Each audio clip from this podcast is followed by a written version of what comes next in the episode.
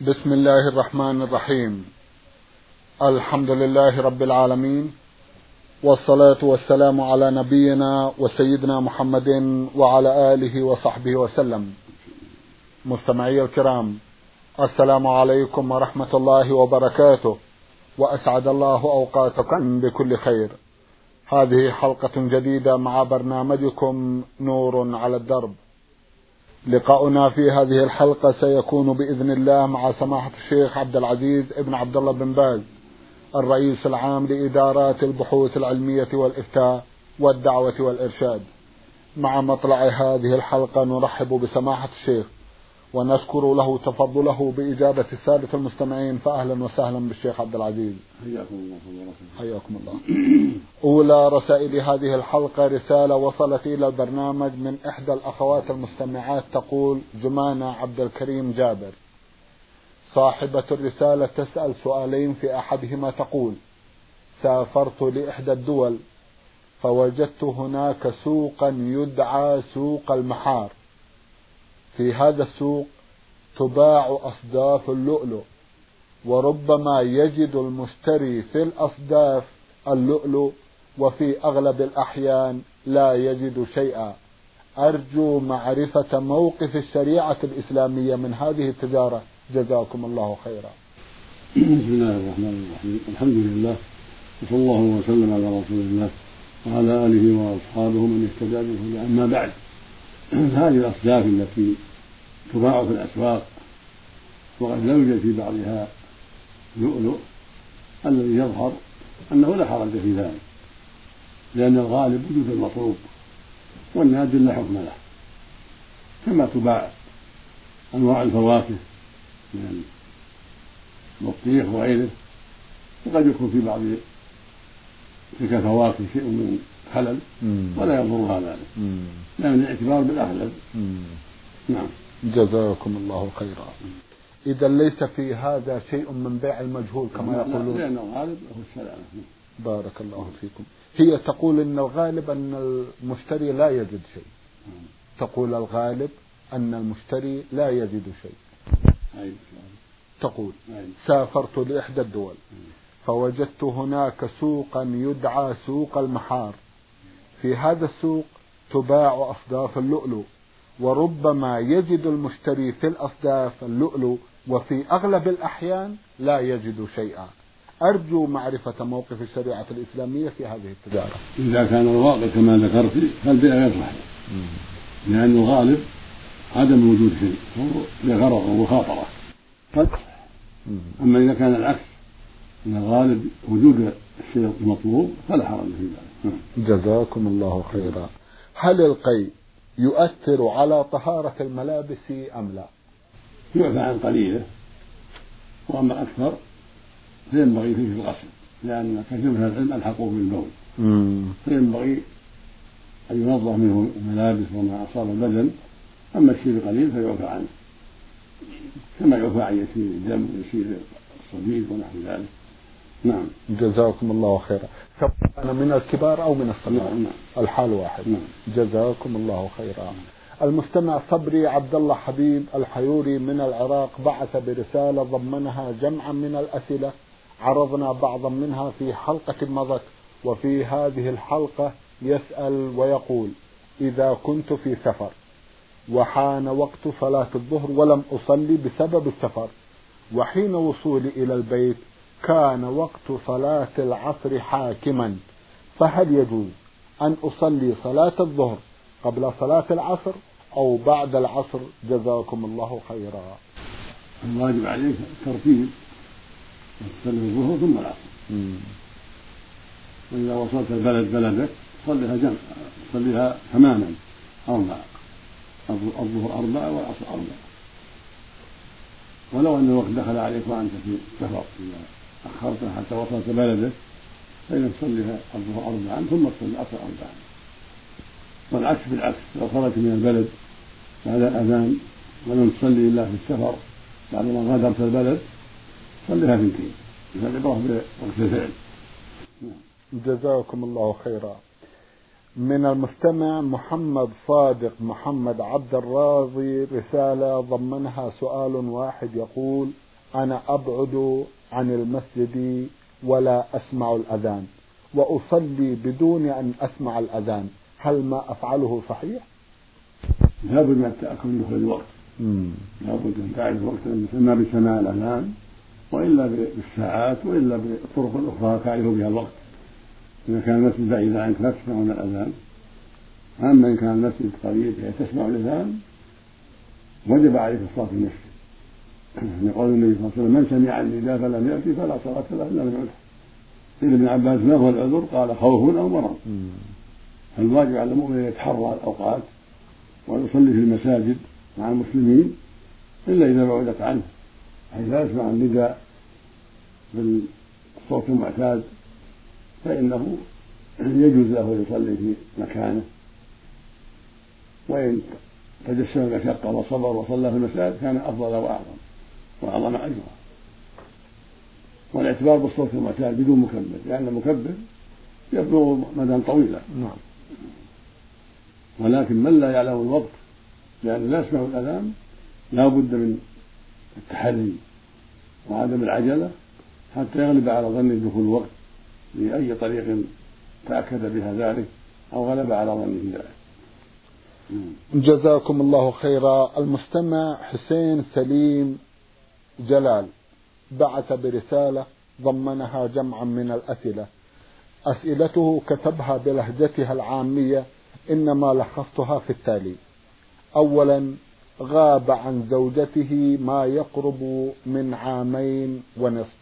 ويسأل هل هو آثم والحال ما ذكر؟ هذا فيه تفصيل نعم. إذا كان له عذر شرعي فليس بآثم. كالمسجون هو أشباه الذين لا يستطيعون الرجوع أو سمحته في ذلك أو في طلب الرزق لأنه ليس ببلده عمل نعم. ولم يتيسر له الخلاص من البلد التي ذهب إليها إلا في هذه المدة الطويلة. المقصود لكن له عذر شرعي لم يمكنه من الرجوع في مدة قليلة. نعم. والأولى بالمؤمن أن يلاحظ المدة المناسبة في ستة أشهر أو ما يقاربها حتى يرجع إلى أهله أو يحمل أهله معه. ولا يطول الغيبة لأن هذا فيه خطر على أهله خطر عليه أيضا هو. وليس في هذا حد محدود إلا ما روي عن عمر رضي الله عنه كان يحدد ستة أشهر. للغزاة والموظفين هذا له وجه. نعم. فإذا اعتمد الإنسان ستة أشهر فرجع إلى أهله ثم عاد إلى عمله. هذا إن شاء الله فيه خير كثير. وإن اعتنى بما هو أقل من هذا لأن الوقت تغير وخطر كبير ورجع قبل ستة أشهر كأربعة أو ثلاثة هذا فيه حيطة وفيه عناية بنفسه وعناية بأهله أو يحملهم معه. نعم ولو سمحنا ولو سمحنا ولو سمحت الزوجة له قد تسمح وهي غير مطمئنة وغير يعني راضية لكن مراعاة قد تسمح مراعاة لخاطره فينبغي له أن يحتاط ينبغي المؤمن أن يحتاط من جهة أهله فلا يطول الغيبة مهما أمكن. نعم. جزاكم الله خيرا. يقول لمرض أصابني لم أصم رمضان لعامين متتاليين. ماذا علي أن أفعل؟ ما دمت أفطرت لعذر شرعي فعليك القضاء. عليك أن تقضي ما أفطرته من العامين. وإذا كان التأخير إلى رمضان الثاني لعذر شرعي فلا شيء عليك سوى الصيام تقضي أما إذا كنت أخرت من غير عذر بل تساهلا منك فعليك مع القضاء إطعام المسكين عن كل يوم كما أفتى جمع من الصحابة من أصحاب النبي صلى الله عليه وسلم. اللهم صل عليه أما إن قضيته في العام قبل رمضان فإنك تقضي بدون إطعام. لكن إذا أخرت القضاء إلى رمضان آخر فعليك القضاء مع نصف عن كل يوم من التمر أو الحنطة أو الرز مع التوبة والاستغفار. أما المعذور فلا شيء عليه إذا أخر من أي مرض فلا شيء عليه سوى قضاء. لأن الله يقول من كان مريضا نعم. أو على سفر فعدة من أيام أخرى. فعليه قضاء فقط. لكن من تساهل وأمكنه القضاء ولم يقضي حتى جاء رمضان فعليه مع القضاء إطعام مسكين عن كل يوم مع التوبة. نعم. جزاكم الله خيرا. يقول كنت أعمل عند رجل في مزرعة. وقيل له إن في هذه المزرعة قبرين. فأمرني بنبشهما وإزاحة العظام إلى مكان آخر. هل أكون آثما والحال ما ذكر؟ إذا كان القبر ليس حولهما مقبرة فلا بأس. أن ينبش أن ينبشا وتنقل وينقل رفاتهما إلى المقبرة العامة. في حفرتين كل قبر في حفرة. يتواسى حتى تكون مثل القبور الأخرى حتى لا تنتهى يعني يعني ينقل وفاة كل قبر نعم. إلى حفرة مستقلة في المقبرة العامة.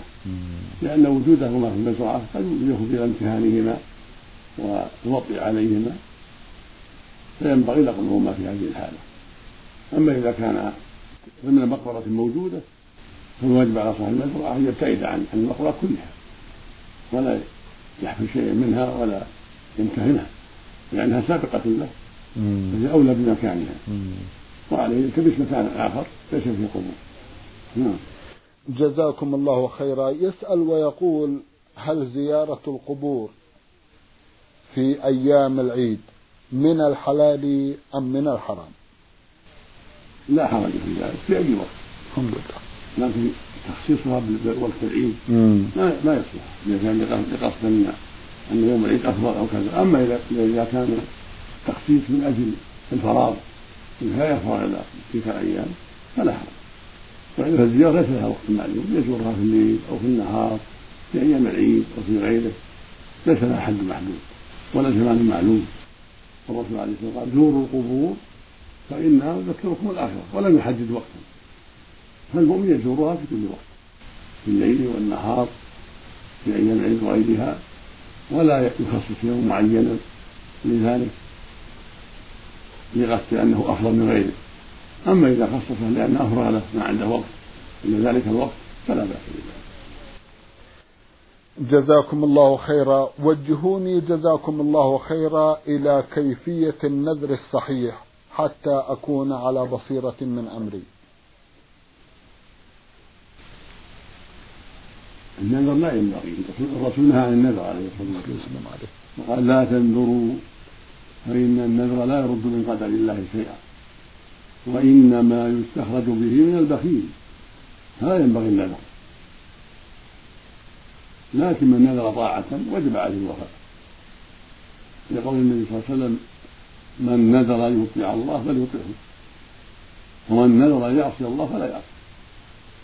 ولأن الله مدح الموفي بالنذر. في سورة الأبرار فقال سبحانه يوفون بالنذر ويخافون يوما كان شره مستقيما. وهذه نذور الطاعة نذور الطاعة.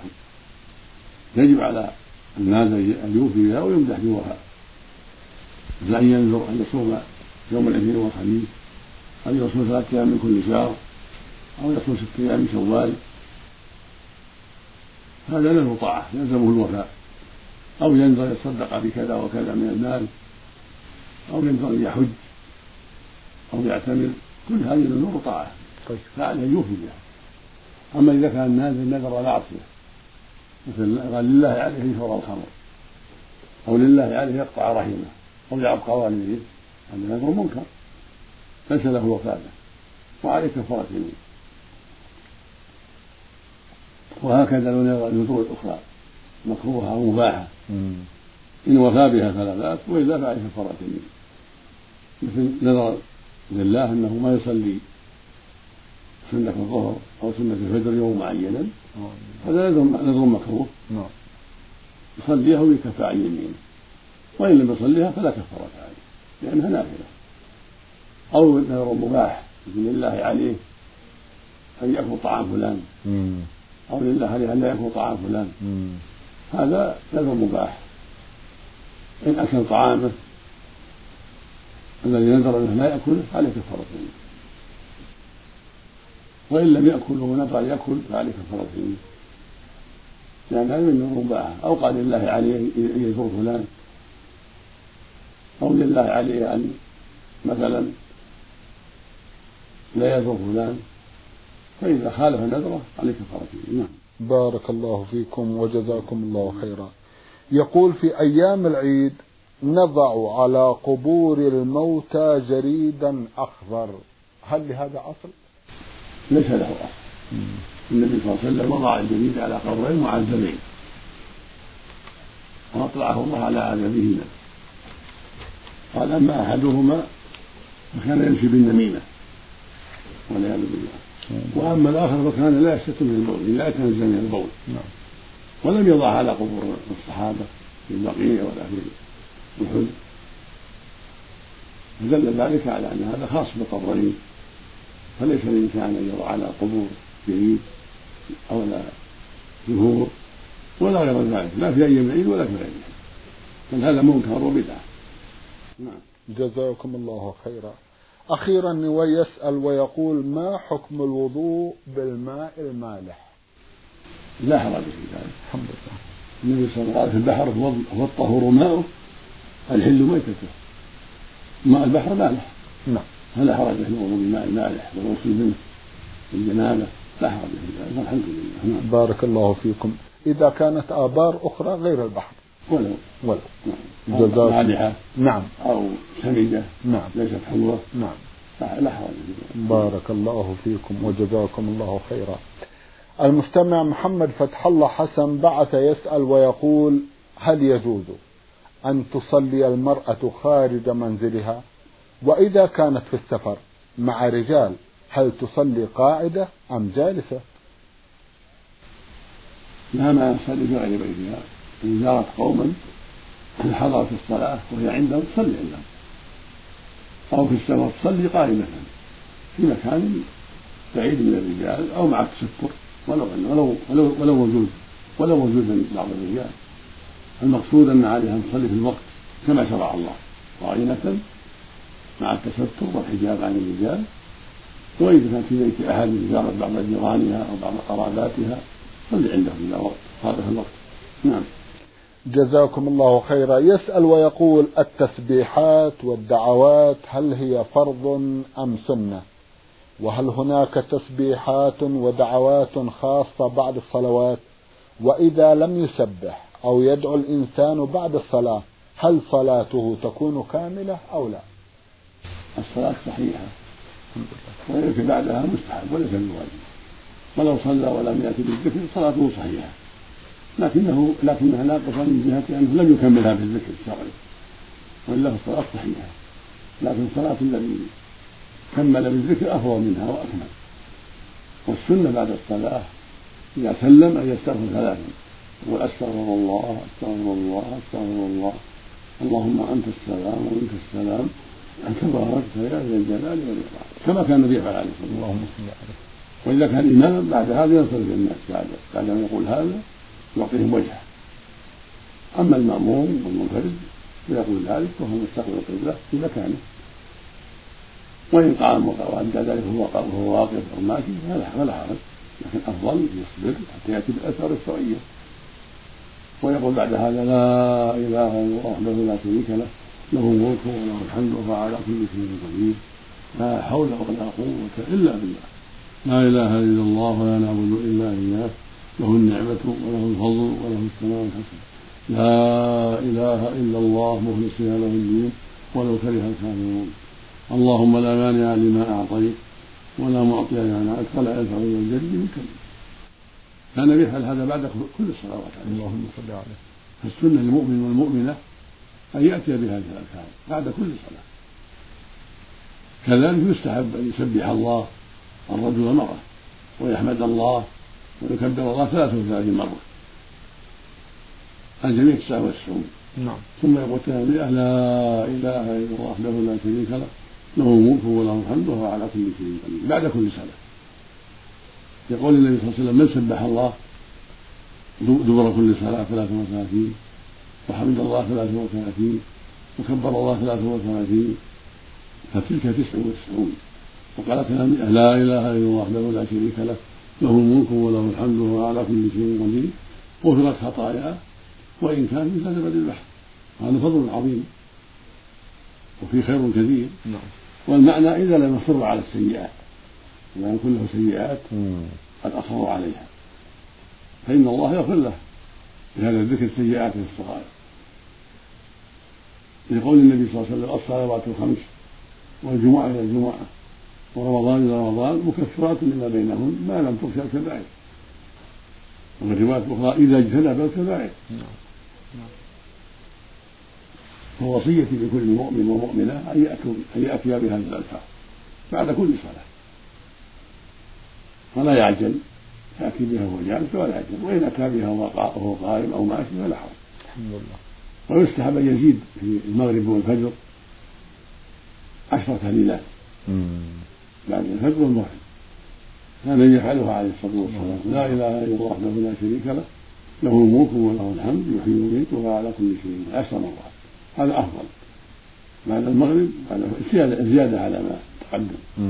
لا إله إلا الله وحده لا شريك له له الملك وله الحمد يحيي ويميت وهو على كل شيء قدير. وإن زاد وهو حي لا يموت بيده الخير وهو على كل شيء فلا بأس. الأنواع كثيرة. أنواع الذكر هنا نعم. متنوعة. منها لا إله إلا الله وحده لا شريك له له الملك وله الحمد وهو على كل شيء قدير. النوع الثاني لا إله إلا الله وحده لا شريك له له الملك وله الحمد يحيي ويميت وهو على كل شيء قدير. النوع الثالث لا إله إلا الله وحده لا شريك له له الملك وله الحمد يحيي ويميت وهو حي لا يموت بيده الخير وهو على كل شيء قدير. كل هذه الانواع كلها حسنة كلها مشروعة. إذا أتى بنوع منها فقد أصاب السنة. وفي بعضها لا إله إلا الله لا شريك له له الملك وله الحمد يحيي ويميت بيده الخير وهو على كل شيء قدير. دون زيادة حي لا يموت وكلها سنة كلها قربة وطاعة. طيب. نعم. جزاكم الله خيرا جزاكم الله خيرا. يقول أخونا في سؤال آخر إذا أصيب الإنسان بالسلس لكبر أو لمرض هل يصلي أم أن الصلاة تسقط عنه؟ الصلاة لا تسقط ما دام العقل موجود هذا يصلي ولكن يتوضأ لكل صلاة. إذا أصابه السلس المستمر وهو البول المستمر الرطوبة نعم. يتوضأ لكل صلاة. ويصلي كل صلاة في وقتها. مثل المستحاضة. اللي معها الدم الدائم توضأ لكل صلاة وتصلي. ولا تسقط عنها ولا عن صاحب السلف في الصلاة ولهما الجمع إذا دعت الحاجة إلى إذا شق عليهما الأمر. ما شاء الله. لكن الرجل ينبغي له لا يجمع حتى يصلي مع الجماعة. أما المرأة فإذا جمعت الحاجة فلا بأس. لأن الرسول رخص اليوم لحملة أن تجمع. ما شاء الله. فالحاصل أن صاحب السبت يتوضأ لكل صلاة ويصلي مع الجماعة. ويتحفظ بشيء فرقة تنبطها على ذكره حتى لا ينتشر البول إلى ملابس. نعم. ويتوضأ لكل صلاة. والحمد لله. بارك الله نعم. فيكم. جزاكم الله خيرا. إذا شعر بشيء أثناء الصلاة لا يضر؟ ولو خارج. لا. يضر. لا يضر المرأة ولا الرجل بارك الله فيكم. سبحان الله وصاحب السلام. جزاكم لا يضره من خرج في الوقت. بارك ولو الله في الصلاة. ولو في الصلاة. نعم. بارك الله فيكم. شخص قضى أكثر عمره في اللهو. وارتكاب الآثام كلها. ثم تاب ورجع إلى الله.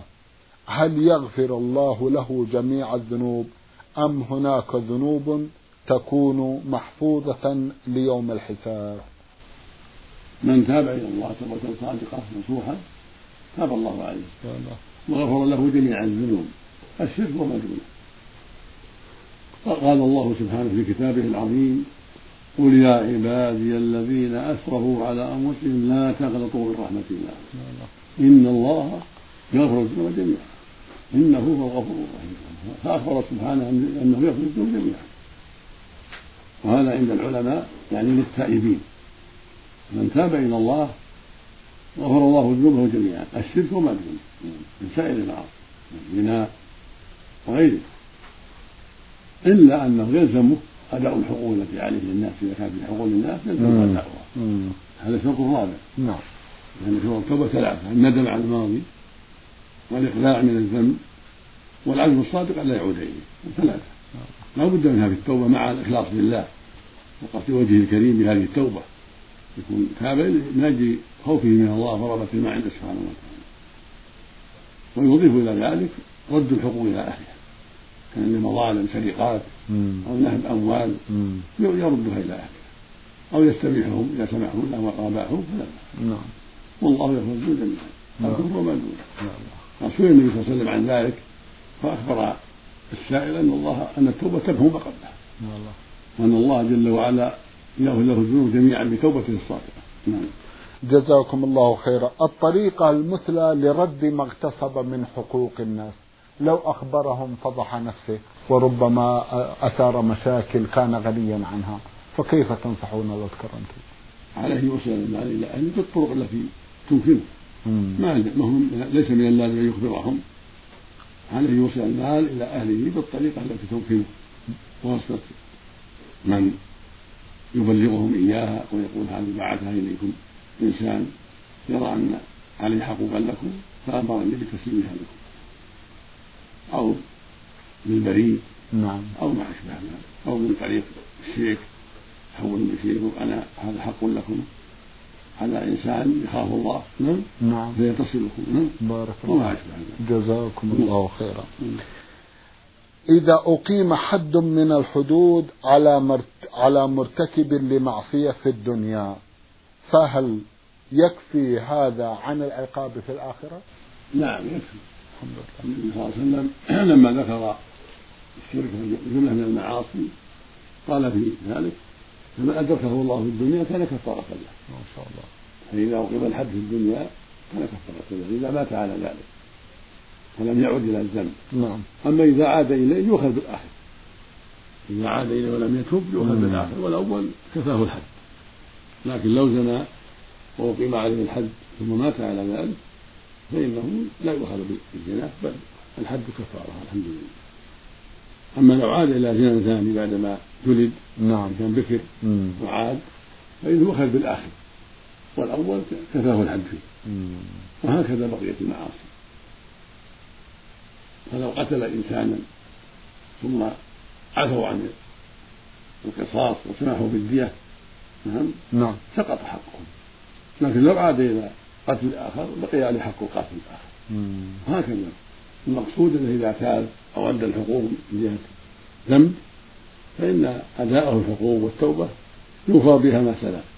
لكن الذنب الجديد يبقى عليه إلا يتوب. بارك الله فيكم وجزاكم الله خيرا.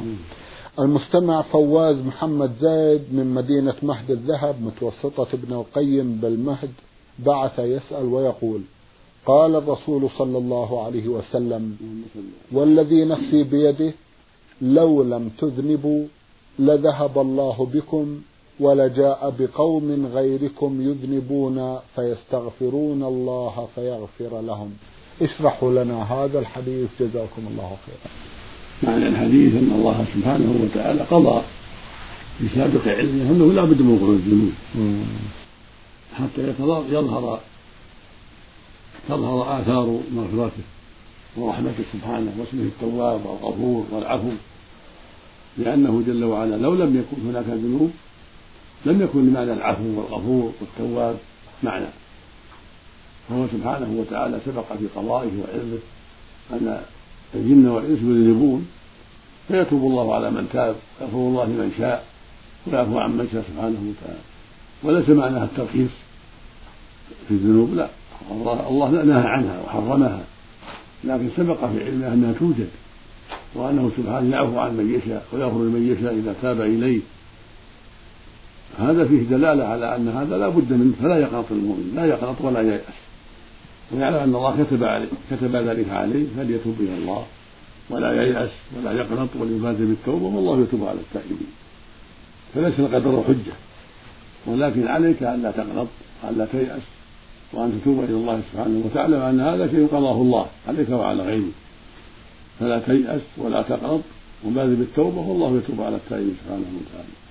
فقد سبق في علمه أنه تقع أنها تقع الذنوب من الجن والإنس وأنه يتوب على من تاب ويعفو عن من رجع إليه ويعفو عن من يشاء ممن أصر سبحانه وتعالى. فضلا منه وإحسانا جل وعلا حتى تظهر آثار أسمائه الحسنى التواب الرحيم العفو الغفور. نعم. جزاكم الله خيرا. سماحة الشيخ في ختام هذا اللقاء أتوجه لكم بالشكر الجزيل بعد شكر الله سبحانه وتعالى على تفضلكم بإجابة السادة المستمعين. وآمل أن يتجدد اللقاء وأنتم على خير. اللهم آمين.